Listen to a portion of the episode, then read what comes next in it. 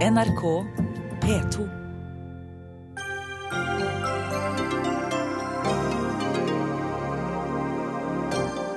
Slappe norske studenter bør betale skolepenger, mener professor.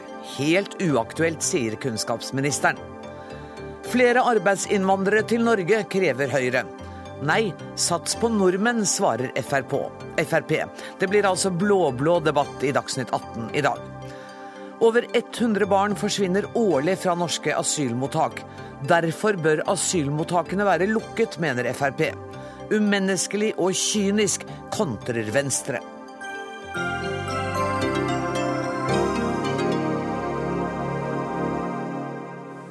Dette er noen av sakene i Dagsnytt 18 der vi også skal høre at det blir blå-blå valgseier i høst. Det sier i hvert fall en statsviter som har brukt en metode han mener er mer moderne og kanskje sikrere enn meningsmålinger.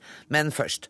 Norske studenter koster mer og lærer mindre enn studenter i mange andre land. Det viser en ny rapport. Fire av ti norske bachelorstudenter fullfører ikke studiene innen tiden. Vi er nesten verst i klassen. Det mener du, kronikkforfatter og professor ved Duke University i USA, Toril Moi. I en kronikk i Dagens Næringsliv så har du forslag til hvordan dette kan bedres, og ett av dem er skolepenger. Hvordan vil det bedre situasjonen? Ja, altså I spalten min så forsøkte jeg jo for det første å vise hvordan den lave fullføringsprosenten i Norge oppfattes av en amerikaner ved et eliteuniversitet, i mitt tilfelle Duke. Det var å kaste et blikk utenfra på denne situasjonen. Og fra utenfra, så fra mitt synspunkt, så virker jo hele denne situasjonen som en katastrofe. Det er trist for den enkelte studenten, det er lite givende for lærerne. Og så får vi lite penger igjen, de store investeringene vi gjør i studentene i Norge. Men i spalten min så satte jeg jo det amerikanske synet opp mot det norske. Og i Norge så er det jo ikke noe nederlag å hoppe av studiene for veldig mange. Man får jo jobb, og det kan virke som om mange mener at det, det ikke er noe problem så lenge om en student ikke får sin grad, gjør det noe når de faktisk får en jobb? Det er jo et spørsmål man kan spørre. Ja, det er det. Når det gjelder det med studiepenger, så var det faktisk bare ett forslag blant flere. Ja. Men om studiepenger brukes til stipendet, både til premiering til de som gjennomfører raskt, og som de gjør ved UK, der jeg jobber, som stipend til dem som faktisk trenger penger, så kan de fungere positivt. Men etter mitt syn så er det to største problemene med denne gjennomføringsprosenten i Norge. For det første at altfor få studenter studerer på heltid. Og for det andre at det er for lave akademiske krav til opptak og også under studiene. Sånn at jeg håper jo, skrev jo spalten fordi jeg gjerne ville inspirere til debatt. Er den lave gjennomføringsprosenten et problem? Og hvis den er et problem, hva vil den så gjøre med den? Det er jo så veldig lett å si hva den ikke vil gjøre, og det er mye vanskeligere å si hva den faktisk vil gjøre. Så jeg er jo veldig glad for at vi har fått denne debatten, og håper den kan handle konkrete løsninger. Og da stiller jeg spørsmålet rett videre til Kristin Halvorsen, som er kunnskapsminister. De to spørsmålene som Moi sa her, er det et problem at det er så lav gjennomføringsprosent? Og hvis du syns det er det, hva vil dere gjøre med det? Ja, det er et problem. Vi skulle gjerne hatt en høyere gjennomføringsgrad både på høyskoler og universiteter eh, i Norge. Og jeg har en rekke forslag, men jeg har bare et par kommentarer til det bildet som tegnes av norske studenter og norske utdanningsinstitusjoner først. For det første så er det helt urimelig å sammenligne amerikanske eliteuniversiteter, der kanskje 14% av de som søker på universitetet, kommer inn, med alle norske studenter. For hvis du tar alle amerikanske studenter, så har de faktisk lavere gjennomføringsgrad enn de norske studentene. Det er det ene. Det andre er at det er en nær sammenheng mellom det arbeidsmarkedet vi har i Norge, og det, at det er en lav terskel med å gå inn og ut av utdanningssystemet. Og det er et gode. At vi har lav arbeidsløshet blant ungdom i Norge, det skal vi være veldig glad for. Vi skal ikke misunne spanjoler 50% arbeidsløshet, f.eks. Det som bekymrer meg, det er at nå har vi egentlig hatt ganske klare virkemidler for å øke gjennomstrømmingen av studenter. Studiestedene de får betalt 60% når studenten begynner, og 40 av, av, av 100 når de er ferdige. Sånn at Man skulle jo tro at det var insentiver som gjorde at du fikk økt gjennomføringen. Og det samme er det jo med, elevene, med studentenes øh, lån og mm. stipender. Det påvirkes også av, av, progresjon. Så det er egentlig rart at ikke vi ikke har oppnådd større framgang på dette området. Kan det ha med arbeidsmarkedet å gjøre? At At det er fristende å heller gå ut i jobb Eh, fordi man er etterspurt som arbeidskraft før man er ferdig med eksamen? Eh, Ja, men det er jo også ofte sånn at man fullfører til slutt, men man går litt ut og inn av arbeidslivet. Og det er riktig som eh, professor Moi sier, at det oppfattes ikke som noen katastrofe i Norge om du tar deg et pause, jobber et år, kommer tilbake, og det mener jeg er eh, for så vidt bra. Men vi kunne nok hatt større effektivitet blant en del studiesteder. Og jeg ønsker meg jo at studentene møtes med større forventninger når de kommer. Vi kan lære mye av de amerikanske eliteuniversitetene i forhold til hvordan vi følger opp eh, studentene. At mange av de topp professorene i USA oppfatter jeg ofte har et annet og mer dedikert forhold til studentene sine enn det jeg kan oppleve på en del studiesteder i Norge. Jeg må bare sjekke det med professor Moi. Toril Moi, er, er det siste som eh, kunnskapsministeren sa her, stemmer det med ditt inntrykk? At mange amerikanske professorer har et mer dedikert forhold til sine studenter enn det vi ser i Norge? Altså, Nå kjenner jeg godt nok til hva alle gjør i Norge, men jeg kan jo si fra min egen erfaring så Jeg har jo en chair med duk og regnes som en topprofessor her, og jeg bruker veldig mye tid på individuell samtale med individuelle nybegynnerstudenter. Jeg veileder timevis hver uke på undergraduate papers, altså sånne papers som bachelorstudenter skriver, og pluss at vi jobber med doktorgradsstudenter. Og det tas helt for gitt. Du vil jo få et slags rykte på deg for jeg vet ikke hva jeg skal si, men det regnes som en del av jobben å virkelig bekymre seg om hvordan studentene skal gå fram. Men det, det kan du gjøre når du har forholdsvis få studenter per lærer. Mener du at noe av problemet også ligger der, at det er for store grupper studenter per undervisningsenhet? Ja, det er klart, fordi Når jeg skal rette papers, så er det klart det at om jeg skulle måtte rette 100 papers, så vil jeg ha en veldig sterkt insentiv til å si at de kan skrive kort. Mens når jeg retter 15, så sier jeg dere må skrive et ordentlig research paper på 15 sider, som er mer arbeid, og de lærer mer av det. Ole Petter Ottersen, du er rektor ved Universitetet i eh, Oslo. Hvordan stiller du deg til denne kritikken fra Toril Moi?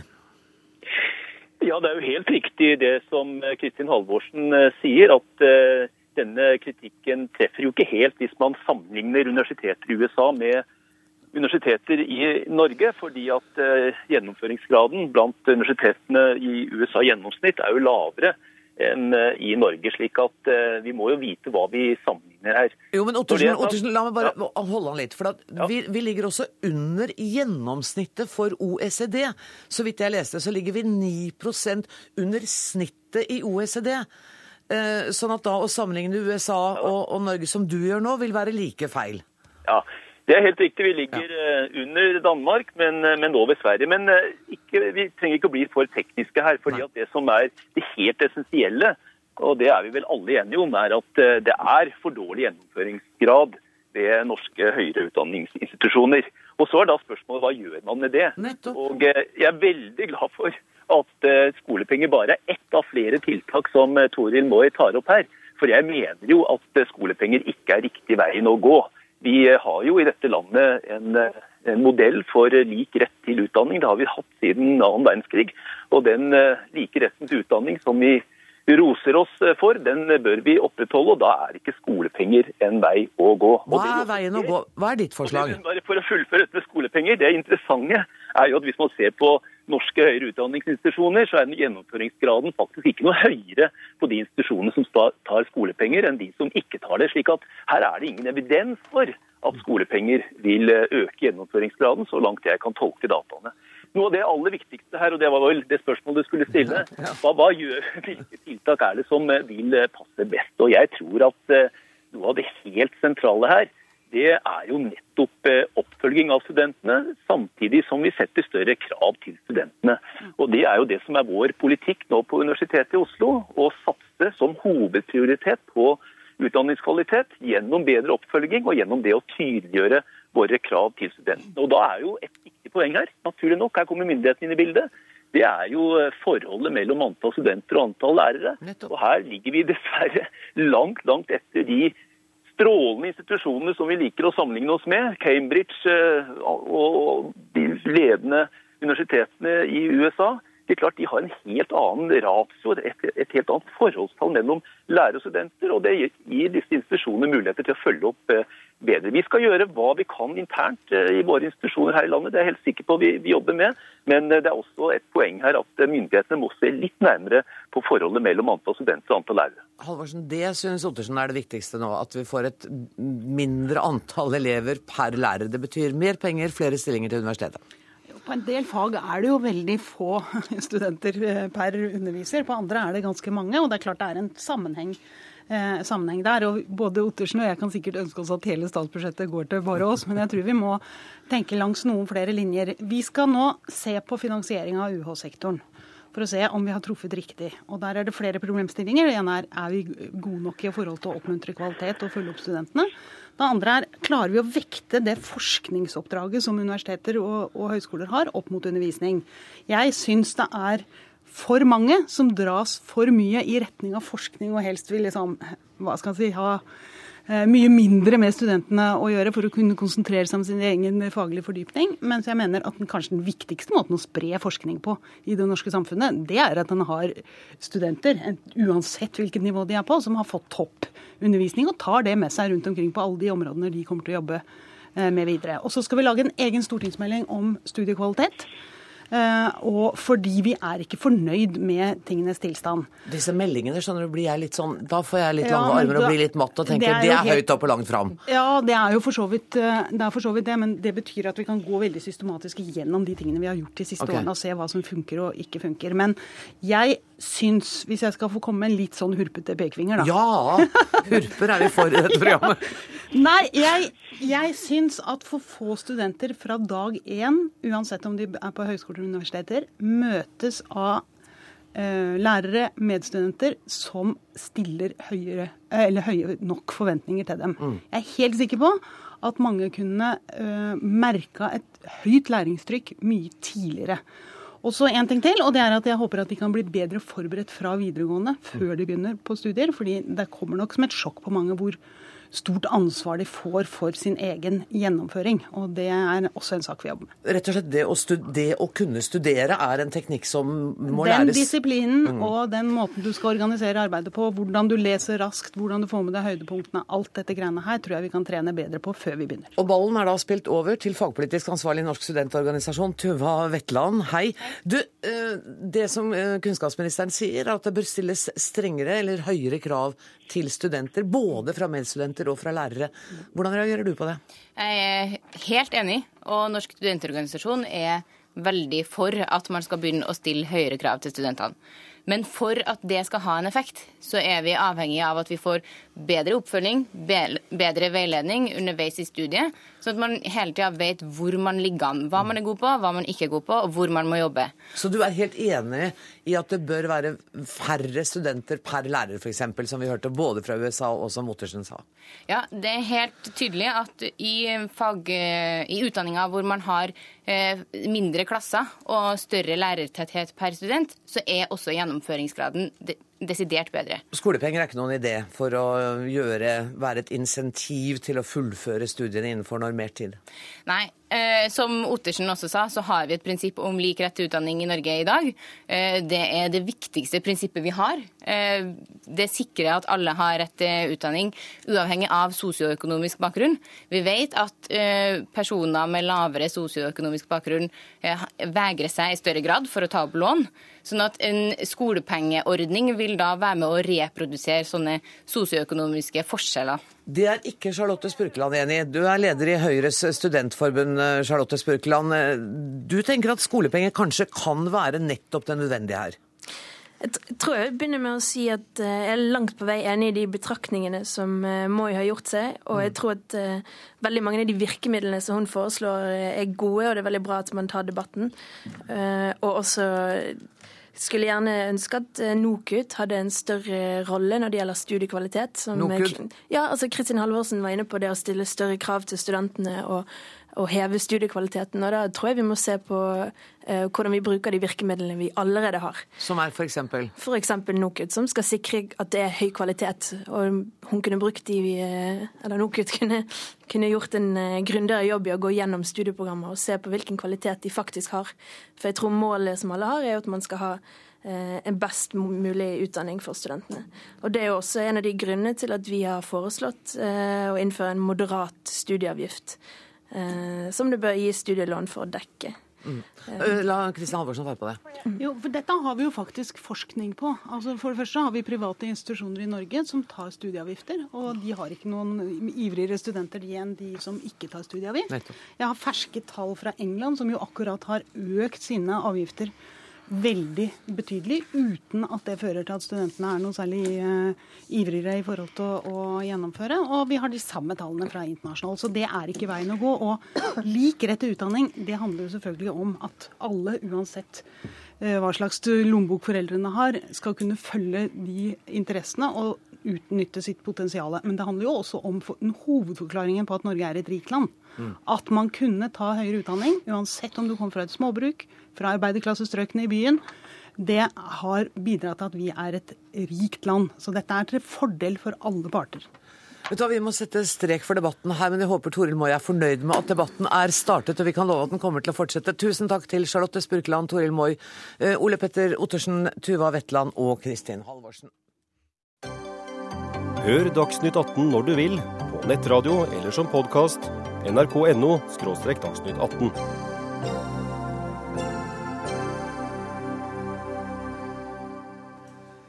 Edward Snowdens avsløringer om at bl.a. USA spionerer mot EU, og at Storbritannia avlyttet allierte under G20-møtet for fire år siden, har skapt offentlig la oss si, raseri. Lørdag skrev politisk redaktør i Aftenposten Harald Stanghelle at det er en selvfølge at venner spionerer på hverandre. I Aftenposten i dag skriver du, Ola Tunander, professor i fredsforskning, at det ikke finnes virkelige venner. Allianser handler om interesser. Og hvis det er riktig, hvorfor blir det så mye bråk internasjonalt og forviklinger rundt Snowdens avsløringer? Er det fordi vi er naive? Ja. Ja, takk. Skal vi være ferdige, da?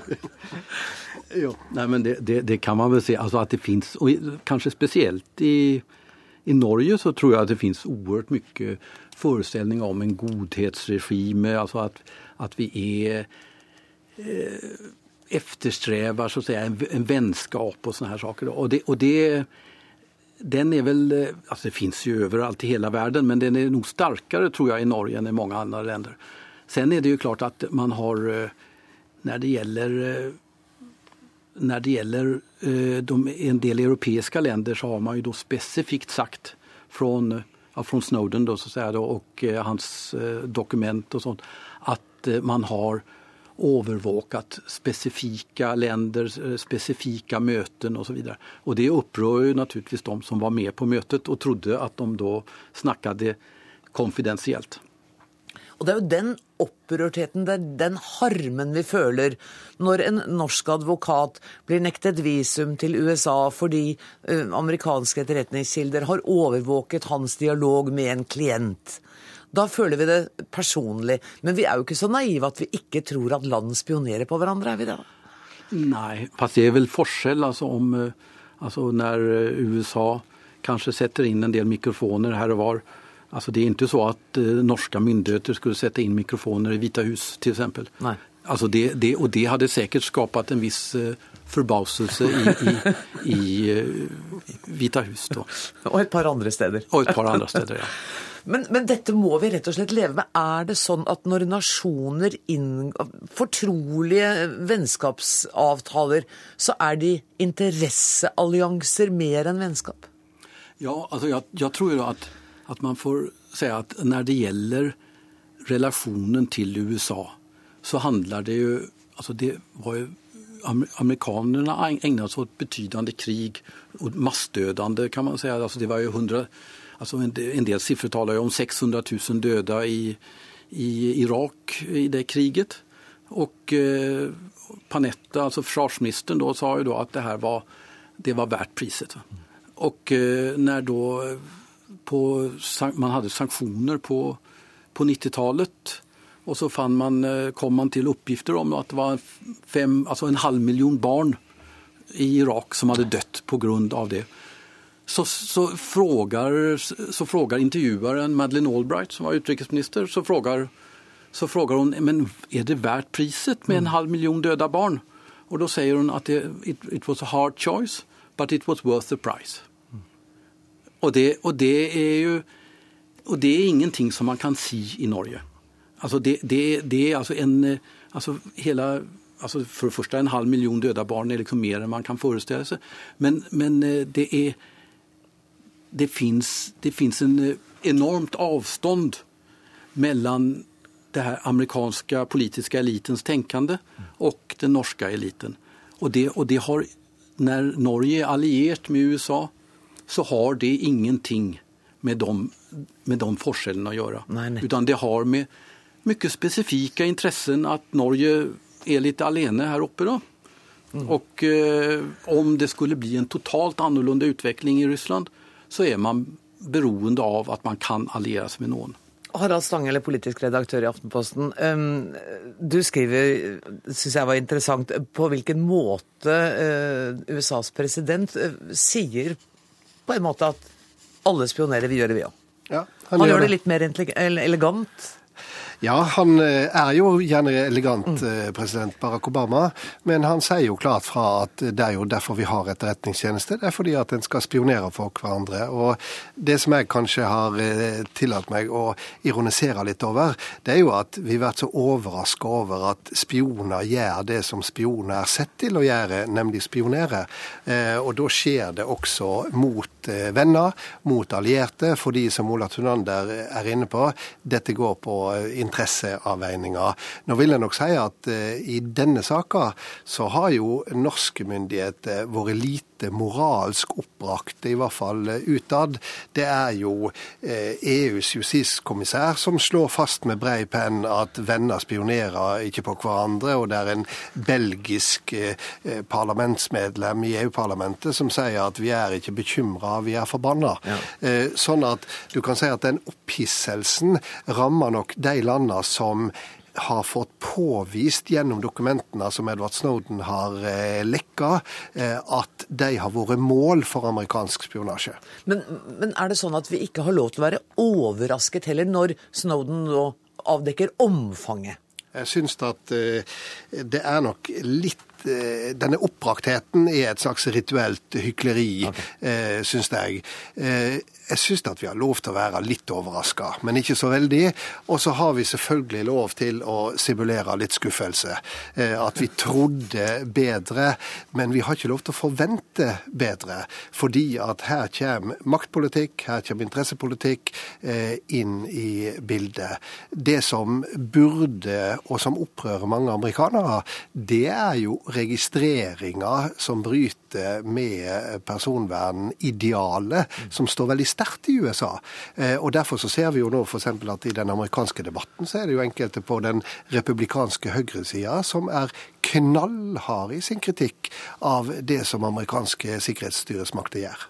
Og du har jo også sagt, eh, jeg siterer deg sikkert ikke ordrett, men noe i retning av at eh, det å drive spionasje gjør alle det pinlige er når man blir avslørt på denne måten. Ja, og, og, men det pinlige er også når en ser hvor dårlig spionasjen ofte kan være. Eh, og du nevnte en norsk advokat som har stått fram, nemlig Jon Christian Elden, som har sagt at han ikke får visum fordi han er registrert, fordi han har, han har forsvart, han har forsvart i, i, i klienter som, som er tiltalt for terrorisme, så slipper han ikke inn.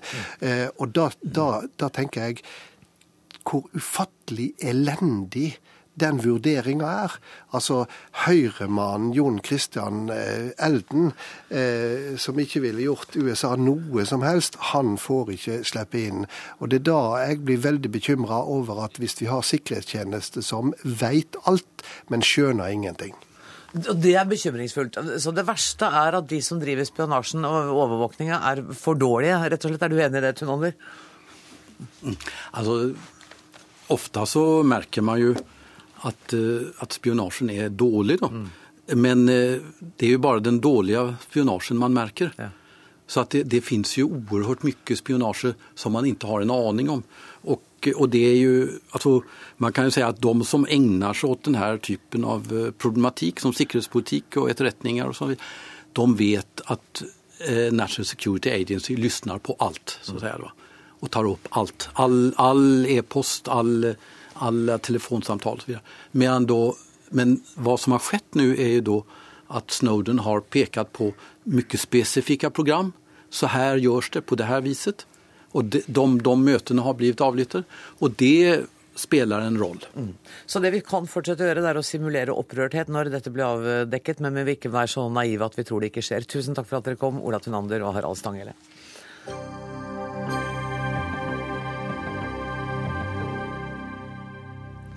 Siden i fjor er 106 asylbarn rapportert savnet fra norske mottak. Ingen vet hvor disse barna blir av, eller hva som har skjedd med dem. Og Masiar Keshvari, du er stortingskandidat for Fremskrittspartiet, og du vil at disse barna heretter skal lukkes inne, altså sperres inne, i lukkede mottak. Hvordan, hvorfor er det en god løsning?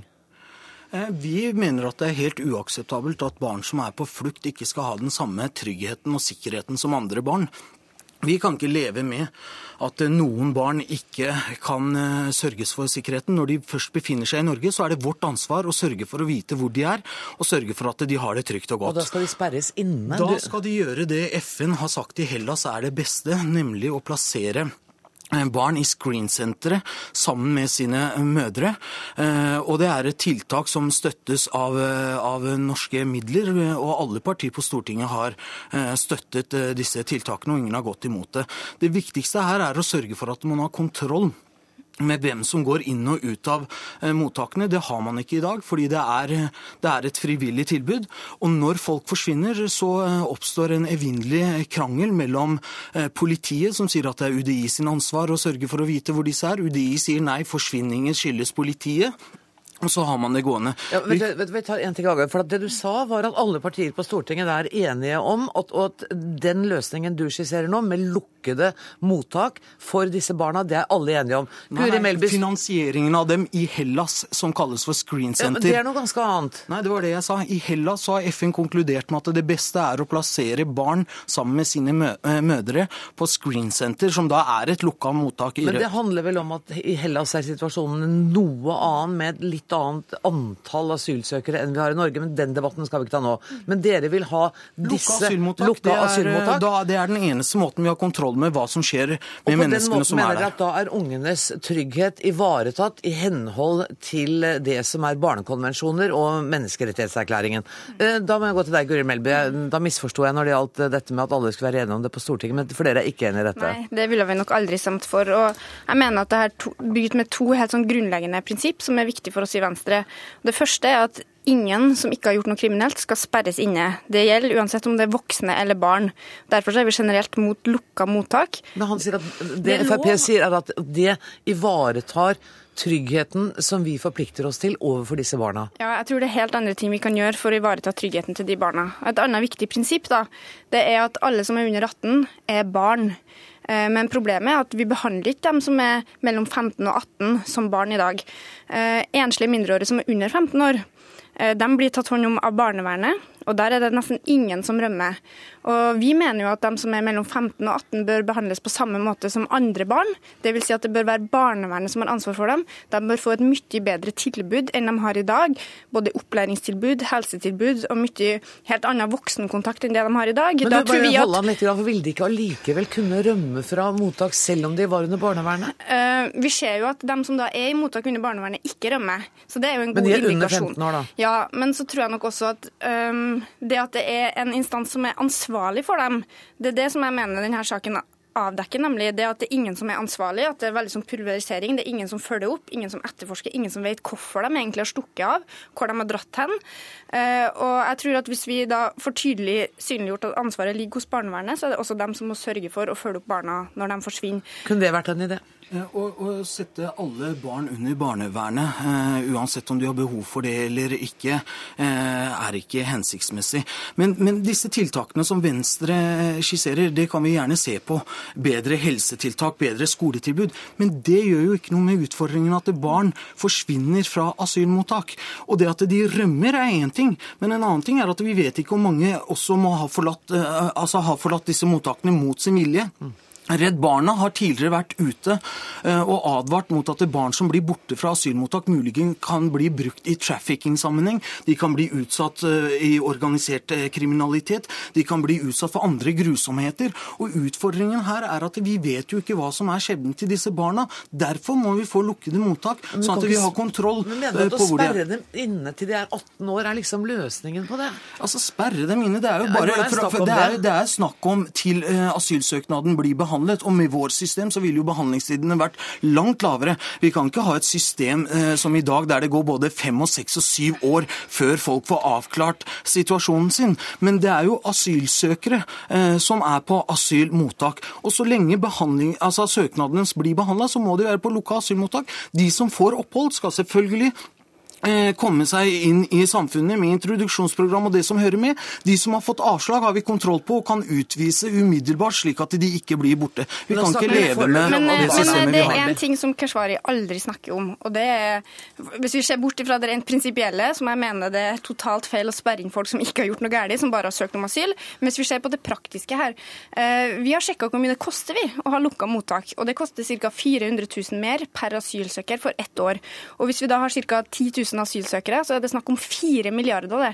Og de pengene mener jeg vi kunne ha brukt på, på politietterforskning av de her sakene. Vi kunne ha brukt det på raskere behandling av sakene, sånn at folk har sluppet å sitte så lenge på asylmottak. Og vi hadde absolutt hatt råd til å ha både høyere voksentetthet og et mye bedre tilbud, sånn at de som er i asylmottak faktisk kunne ha starta integreringsprosessen. For Frp er jo alltid veldig opptatt av at vi må integrere dem som kommer til landet. Men hvis vi starter med å isolere dem i en bygning, så tror jeg vi har en veldig dårlig start på integreringsprosessen. Jeg føler litt at vi er på vei ut i en stor eh, asyldebatt. Mitt anliggende nå var de 106 ungene som er ja. ute og som vi ikke vet noe om. Og det tallet er dessuten litt usikkert, for det er vanskelig som du sier, å finne altså, myndighet. Disse, disse det er anliggende her. Hva disse, gjør man? Disse eh, tallene for kostnadene, det vet ikke jeg. Jeg har ikke sett disse tallene før. Men det Venstre aldri snakker om, det er hva er deres løsning?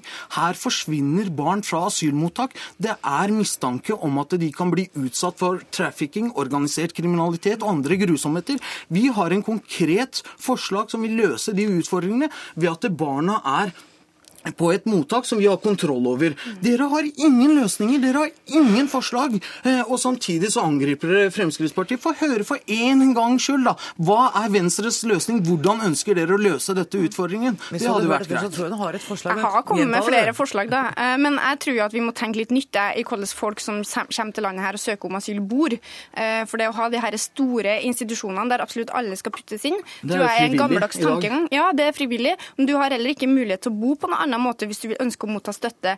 I andre land, f.eks. i Sverige, så har du mulighet til å bo til slektninger mens asylsøknaden din behandles, og fortsatt motta støtte. Jeg mener vi, vi, du mottar ikke noe støtte hvis du ikke bor på asylmottak.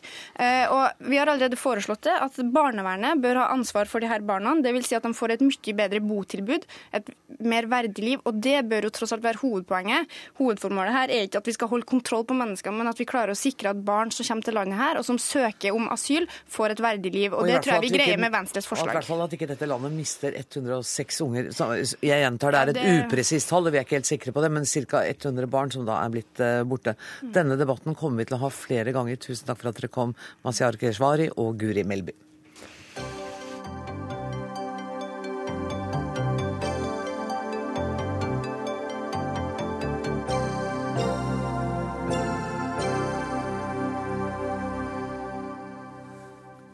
Høyre mener at det er stor mangel på viktig arbeidskraft i Norge, og er kritiske til regjeringens innsats for å rekruttere arbeidsinnvandrere. Frp på sin side garanterer at innvandringen skal gå ned hvis de havner i regjering. Et regjeringssamarbeid med Høyre blir vanskelig hvis ikke Frp får gjennomslag for dette. Eh, Frp-politiker og leder av Stortingets arbeids- og sosialkomité, Robert Eriksson. Hvorfor er det så viktig for dere å bremse arbeidsinnvandringen som vi faktisk trenger? Det er svært viktig for Fremskrittspartiet å begrense den totale innvandringa til Norge. Ja. og Det har vært en klar politikk for Fremskrittspartiet i alle de år. Når det gjelder arbeidsinnvandring, så er det faktisk sånn i dag at vi har 500 millioner mennesker i Europa som har tilgang til det norske arbeidsmarkedet. Vi har spesialregler, spesialkvoter, med 5000 som vi kan hente inn ifra med spesiell kompetanse utenfor EØS-området. Den kvoten har aldri vært fylt til dags dato. Eh, så Sånn sett så ser ikke jeg noe behov for å liberalisere reglene for arbeidsinnvandring. For Fremskrittspartiet så er det viktig også å kvalifisere nordmenn til å bli større andel av, av arbeidsstyrken. for vi trenger arbeidskraft da, ikke sant? Vi trenger arbeidskraft i framtida. Det må det ikke være noen mulig tvil om. Nei. Men vi trenger også at flere norske ungdommer kommer inn i arbeidslivet. Vi trenger at flere funksjonshemmede kommer inn i arbeidslivet. Vi trenger at de innvandrerne som allerede har fått oppholdstillatelse i Norge og bor i Norge, kommer inn i arbeidslivet. Der sliter vi veldig i dag. Det er mye viktigere enn å liberalisere arbeidsinnvandringa. Andre nestleder i Høyre, Bent Høie, dere mener tvert imot at eh, arbeidsinnvandringen er nødvendig? Ja, Arbeidsinnvandringa har jo vært eh, nødvendig for Norge i veldig mange år. Både den fra EØS-området, som jo jeg opplever ingen stiller spørsmålstegn med, og den utenfra EØS-området. Eh, e Selv om jeg er helt enig med Eriksen her i at at eh, det er viktig å sørge for høy sysselsetting blant de som allerede bor i Norge. Både de som er utenfor arbeidslivet fordi de er funksjonshemma, og fordi de eventuelt går ulike trygdeordninger. Men for norske, norske industriarbeidsplasser, for olje- og gassindustrien, for den maritime industrien, så er det òg helt vesentlig å kunne i større grad håndplukke og rekruttere og være attraktive for høyt utdannede mennesker fra utenom EØS-området. Men, men Bent Høie, nå sier jo eh, Robert Eriksson her at den kvoten vi har på 5000 nettopp utenfra dette området, eh, den har aldri vært fylt? Ja, nå er den kvoten også eh, altså, kutta ut fra, fra regjeringen. De har gjort en endring på det området. Men det var 9600 som fikk innvilget arbeidsopphold i fjor. Det er en nedgang fra, fra 2011 altså for de utenfor EØS-området. Men det som er vårt poeng, det er jo hvordan dette oppleves for den enkelte bedrift, for eh, viktige næringer for Norge, der en opplever at eh, søknadsprosessen kan ta opp mot seks måneder. En må koordinere mellom politi, Nav, eh, personvernnummer osv. Altså Norge, som da i utgangspunktet har veldig behov for denne arbeidskraften. Det var en industri som har behov for arbeidskraften. Men vi er allikevel ikke et veldig attraktivt land for disse høyt utdanna fra f.eks. India og andre land. Fordi de ønsker seg heller til Canada, til USA. Og Da kan det ikke være sånn at når vi først klarer å få tak i noen her til Norge, så vil de oppleve vanskeligheter og byråkrati. og Dette er òg en del av det unødvendige byråkratiet som norsk næringsliv møter. Så vi skal gjøre det enklere for kvalifisert arbeidskraft eh, med spisskompetanse særlig da, å komme til Norge. Eriksson, det er jo stikket mot hva du mener. Ja, jeg, jeg blir sånn overraska, for hva mener egentlig Høyre? Fordi at uh, Først så sier man at man skal gjøre det enklere å åpne opp for å vil ha flere arbeidsinnvandrere. Mm. Uh, og Så sier Bengt Høie nå at nei, det er ikke sikkert vi skal ha flere, men vi skal gjøre, ta vekk noe byråkrati. Uh, og så sier man at vi, den tiltakspakken Høyre har kommet med, at vi skal ha gi forhåndsgodkjenning til store bedrifter, altså gjøre forskjell på bedriftene i Norge i forhold til hvem som skal få lov til å ta inn og ikke. Jeg syns det blir veldig sånn ullent uklart. Eh, og jeg mener at det er mye viktigere å ta i bruk den arbeidsreserven vi, og, og arbeidskrafta vi har i Norge. Norsk næringsliv trenger kompetent arbeidskraft. Vår oppgave er å sørge for å ha en politikk som kvalifiserer eh, arbeidskrafta, sånn at næringslivet får den kompetente arbeidskrafta. Og så har vi et stort EØS-område som er viktig. Eh, og som det er full mobilitet og tilgang på arbeidskraft fra i dag. Eh, og Da må vi utnytte det i langt større grad enn å begynne å jakte etter folk utenfor EØS-området. Og så er det jo viktig da, når vi skal begynne å se på hvordan vi skal utforme politikken i framtida. For vi har jo fått noen advarsler også fra Brochmann-utvalget eh, med at økt arbeidsinnvandring også fra EØS fører til økt trygdeeksport. Jeg vil gjerne sette meg ned sammen med Høyre og løse den floken før vi åpner opp for mer arbeidsinnvandring. Men først har vi det faktum at du syns at Bent Høie er ullen. Ja, altså jeg mener ikke at jeg er ullen. fordi Hvis vi ser på noen av våre viktigste næringer, olje og gass, eh, den maritime næring, en voksende bioteknæring, så er det næringer som ikke forholder seg til EØS-grenser. De opererer internasjonalt, de rekrutterer internasjonalt, og de har òg virksomheter eh, internasjonalt. Hvis de skal ha Norge som et attraktivt område, f.eks. å ha et prosjekt, lede et prosjekt ifra, og så må de oppleve det som enkelt å kunne flytte eh, mennesker fra andre deler av verden, fra USA, fra India, eh, til Norge og la de bo her i Norge i kortere og lengre perioder for å være med i den industrien. Hvis Norge blir eh, og er fortsatt et vanskelig land å komme til med mye byråkrati, i tillegg til at vi har lave lønninger for denne yrkesgruppa, og ikke det fineste været i Europa eller verden, så er det klart at da vil vi tape i en internasjonal konkurranse om å være et interessant lokaliseringssted for denne type vekst. Men Bent Høie, kan vi ikke kort komme innom det, det, lille poenget som Robert Eriksson hadde om at Brochmann-utvalget også advarer mot at det kan komme til økte trygdeeksporteringer, rett og slett? Det er jeg helt sikker på. Det er to ting som det kan være veldig lett for Høyre og Fremskrittspartiet å bli enige om.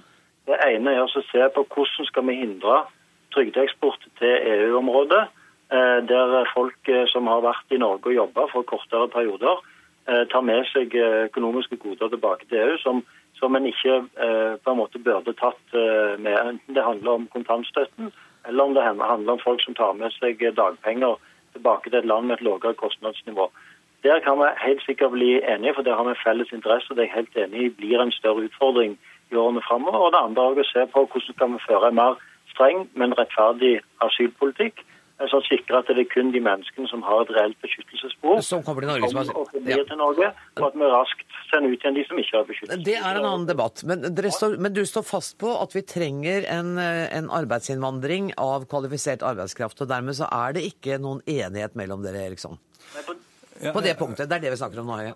ja, altså, Vi er enige om at vi trenger kvalifisert arbeidskraft i Norge. Ja, vi, er også en, vi, er også enige om at vi trenger eh, innvandrere som kan tilby kvalifisert arbeidskraft. Men det vi ikke er enige om, det er en ytterligere liberalisering og åpne opp for at flere enn det som tillates i dag, skal komme til Norge. Der sier Fremskrittspartiet nei. og vi, Så lenge vi hadde denne spesialkvoten, så ble den heller aldri fylt. Det er ingenting som tyder på at næringslivet ikke får den arbeidskraften man er ute etter. For Hvis det har vært eh, tilfellet, så har jo den kvoten blitt oppfylt for lenge, lenge siden når den eksisterte også. Men sier du nå da at hvis ikke Høyre bøyer av på dette spørsmålet her, så er det uaktuelt med regjeringssamarbeid? Nei, det sier jeg ikke. Bengt Høie Nei, Det ville vært for lettvint og for gøyalt, ikke sant? Bengt Høie og Høyre er flotte, gode mennesker som jeg er helt sikkert, uh, sikker på at vi finner gode, framtidsretta løsninger sammen med i regjering. Både når det gjelder arbeidsinnvandring, når det gjelder innvandringspolitikk, når det gjelder uh, trygdeeksport osv. osv. Jeg tror vi skal klare å få, få, en god politikk for folk flest også framover. Det var ikke så mye som tyda på det i denne debatten, men jeg sier tusen takk til Robert Eriksson og til Bent Høie. I dag foreslo Kulturdepartementet å fjerne loven mot profesjonell boksing. Men det betyr ikke at vi, få, at vi, vil få se en real knockout i en norsk boksekamp med det første. Og Mina Gerhardsen, statssekretær i Kulturdepartementet. Da jeg så i dag morges at uh, dere hadde fjernet uh, denne proffbokseloven, tenkte jeg men i all verden er det lov med proffboksing? Det er det slett ikke. Hva var da vitsen med denne lovendringen som dere nå foreslår? Det vi gjør nå, er å slå sammen lovverket for all kampidrett som tillater knockout, og proffbokseforbudet. Det var idretten som tok initiativet til det. Eh, at vi skulle forenkle med å ha ett lovverk for dette her. Det har vi hatt et ekspertutvalg som har sett på, som anbefalte det. Og nå følger vi opp det med å sende ut et sånt forslag på høring. Så det betyr at vi nå har én lov som gjelder all kampsport, og der hvor de idrettene som tillater knockout, de er forbudt i Norge? Går det an å si det? Ikke så ekkelt. Jeg visste jeg ikke hadde skjønt det helt. Kom igjen. Knockoutloven gjelder kampsport som tillater knockout, altså det å slå ja. folk i svime. Ja. Så har vi noen av de som er tillatt fordi de har sikkerhetsbestemmelser som gjør at de likevel er lov, sånn som fullkontakt karate eller eh, taekwondo. Men proffboksing, på den måten det utøves på i dag, vil ikke kvalifisere til å få tillatelse selv etter den nye loven. Og da er grunnen, skriver dere i, i pressemeldingen, det er eh, altså sikkerhetsmessige, helsemessige og etiske grunner. Ja, Grunnen til at vi ønsker å beholde forbudet om proffboksing, det er først og fremst medisinsk. Mm. Det er store skader ved den type idrett. Og så er det etisk. Det er en idrett hvor det å skade andre ikke bare er tillatt, men belønnes. Det syns vi er problematisk. Sveinung Rotevatn, du har tidligere vært kritisk til at vi ikke har tillatt eh, dette. Hva synes du nå om lovendringen som, som skal gjennomføres?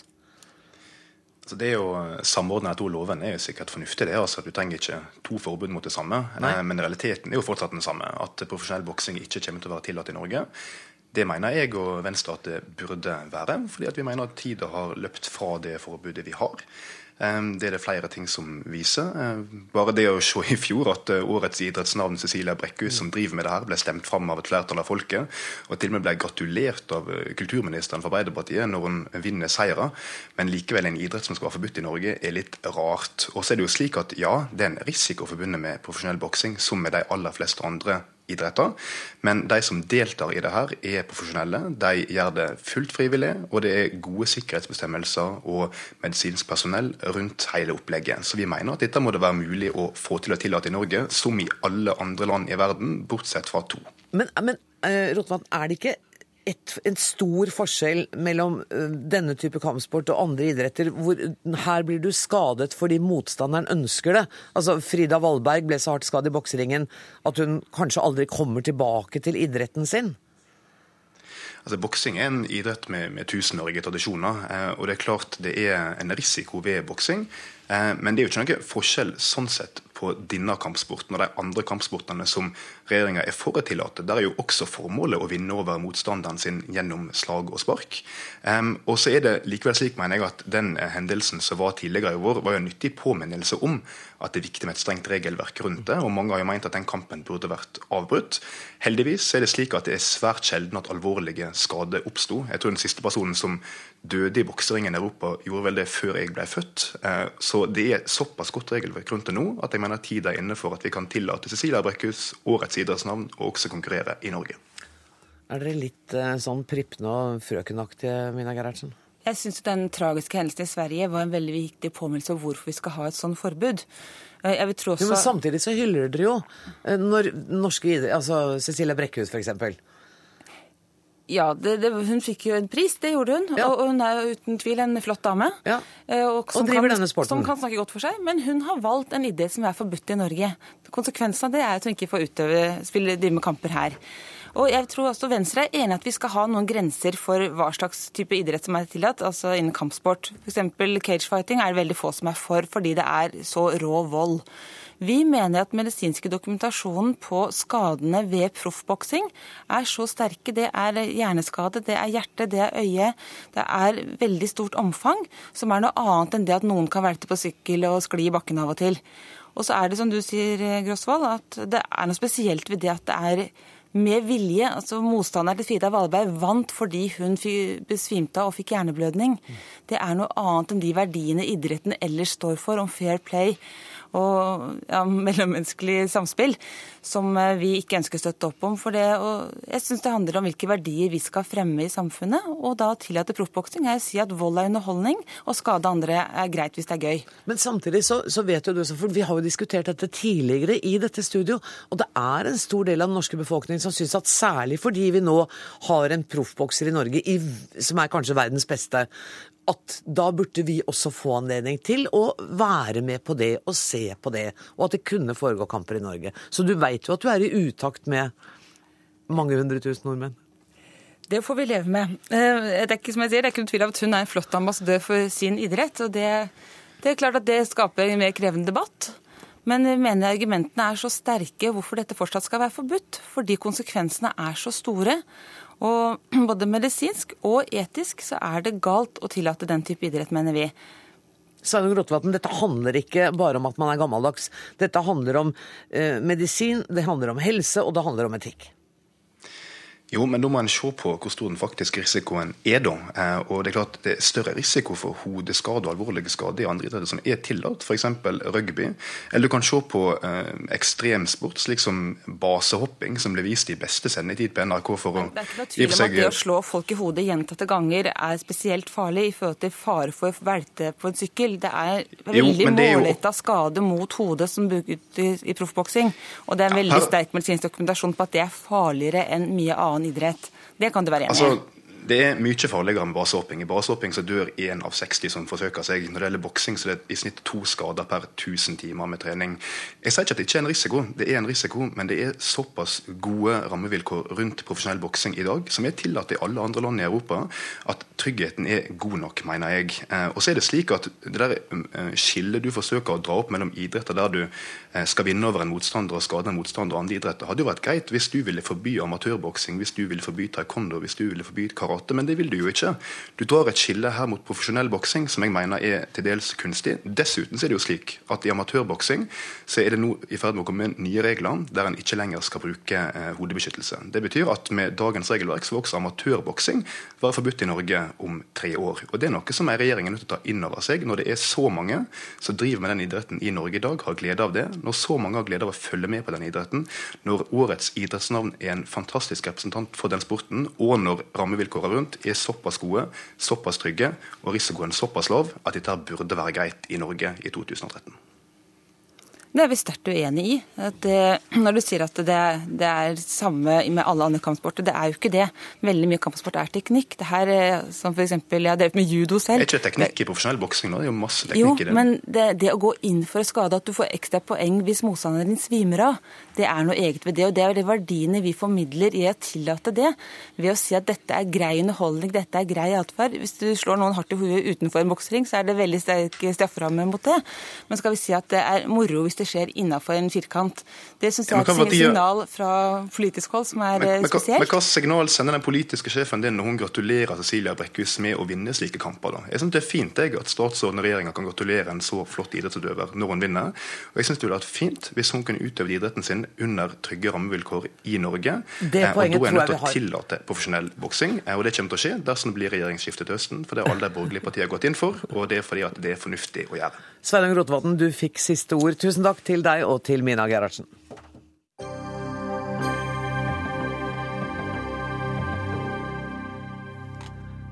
Meningsmålingene alene blir mindre viktige. Nå er det nye metoder som skal gjelde. Det tror statsviter, som nå har brukt en ny modell for å forutse valgresultatet til høsten. Metoden fikk stor oppmerksomhet da en blogger brukte den for å forutse riktig valgresultat i 50 av 50 amerikanske delstater i fjor. Ja, var det 49 av 50, kanskje? 50 av 50 var det i år. Det var 50 av 50, ja. Emil Aas Stoltenberg, hjertelig velkommen hit. Du er statsviter med en fersk masteroppgave. Går det an å forklare grovt hva som er forskjellen på en meningsmåling og den analysen du har gjort? Den viktigste forskjellen er at jeg bruker alle meningsmålingene som blir publisert. Og så kombinerer jeg eh, det jeg finner ut av de meningsmålingene, med økonomiske data. Så det vanligste er jo at eh, når folk predikerer eh, valgutfall, eller altså, de gjør det kanskje ikke like tydelig som jeg gjør. altså De sier ikke at det er en prediksjon, men de snakker om det som om det er en prediksjon. Da tar man siste meningsmåling, og så måte, trekker man en rett linje fra den målingen til valgdagen. Mm. Det er ikke det jeg gjør. Jeg tar alle meningsmålingene, og så bruker jeg en metode for å finne det jeg eh, mener, altså det, det, det, beste gjettet på den faktiske oppslutningen om partiene i dag. Altså, man, man, må huske at Det er jo ikke noe fasit her. Vi vet jo ikke hva oppslutningen om partiene er i dag.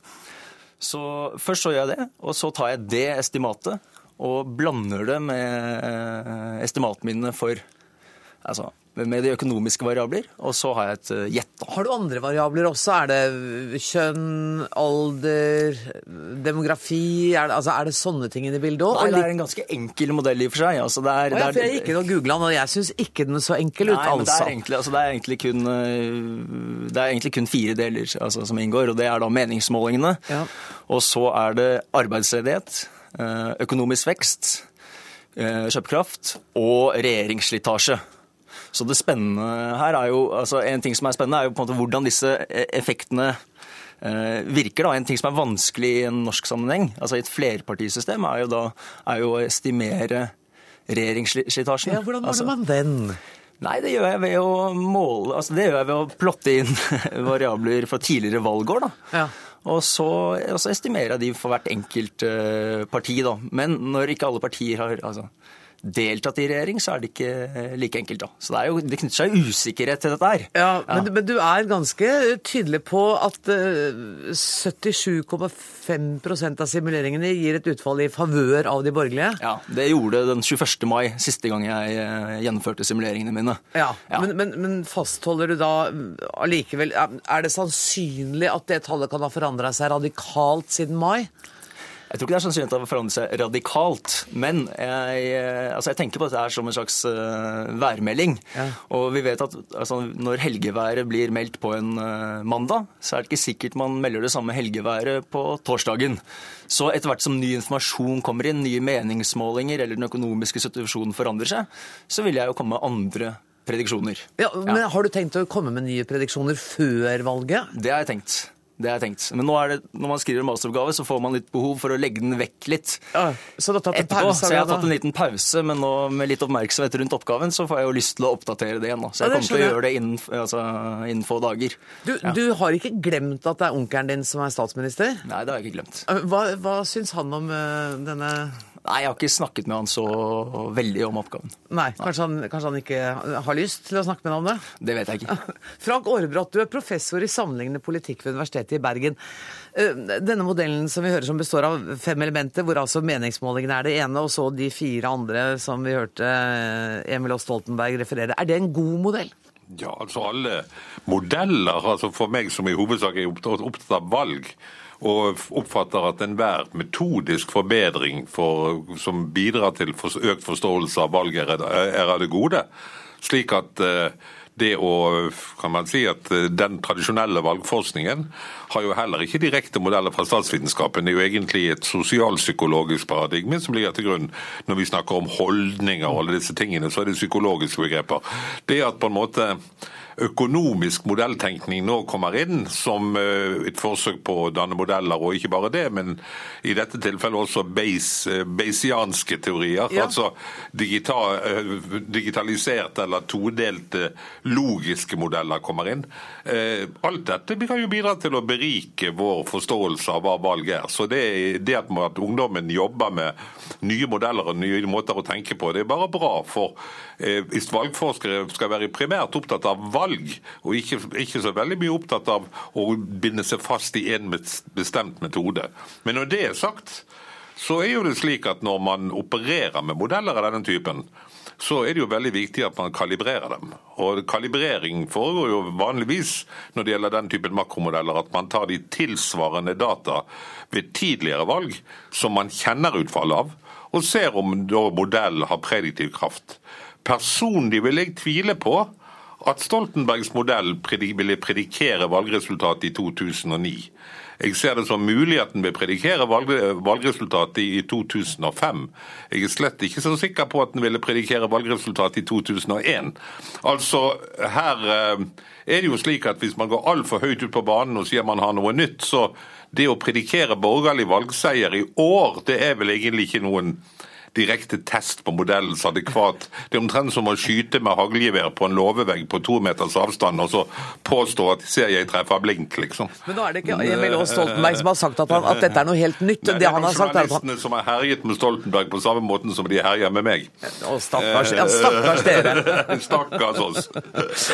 Stoltenberg, kunne, det, kunne du gått tilbake og sett på hvordan den metoden ville ha slått ut for f.eks. valget i 2009? Det har jeg gjort, og Aarebrot har helt rett i at jeg sliter med å predikere valget i 2009. Ja. I mai 2009. Ja. Mm. Siden jeg leverte oppgaven i eh, mai 2013, så har jeg eh, latt som jeg er i mai 2009 og gjort prediksjoner da. Og jeg har også gjort prediksjoner i mai 2005. Hvordan rett det da? nei, da går det bra. Da går det veldig bra. Jeg, altså, eh, jeg, jeg, nei, jeg predikerer feil i Modellen predikerer feil i 2009. Det er den helt rett i. mai, da. Men det, altså Eh, jeg tenker jo at etter hvert som man kommer nærmere valget, så vil den jo treffe bedre og bedre. Ja, ja det, det, er bra. Mm. Nå skal vi være oppmerksom på at både Stoltenberg og jeg som forskere skal være veldig forsiktige med å si at vi uttaler oss om fremtiden. Det er bare en del sjarlataner som jobber i aksjemarkedet som lurer rike mennesker til å tro det. Altså Forskere kan bare vi driver med erfaringsvitenskap, og det betyr at vi er bundet til å skrive om det vi erfarer. Og så er det snakk om fremskrivninger på grunnlag av erfaringene. Nettopp. Men det er litt skremmende å se f.eks. i diskusjonen om FNs klimapanel at folk, veldig mange mennesker tar fremskrivninger som fakta i våre dager. Det og det skal vi, vi forskere advare sterkt mot. Og det gjør ikke vi i Dagsnytt 18 heller. Heller ikke Stoltenberg, tenker jeg. Nei, heller ikke Stoltenberg tar det som faktum. Men jeg gleder meg til å se den neste, neste analysen din, og den kommer da før eh, valget. Jeg er nødt til å sette strek for Dagsnytt 18 i dag. Jeg sier takk til Emil Aas Stoltenberg og til Frank Aarebrot. Helt til slutt skal jeg bare nevne at ansvarlig for denne sendinga var Magnus Bratten. Det tekniske ansvaret har Lisbeth Sellreite. Jeg heter Anne Grosvold. Vi høres i morgen. Takk for nå.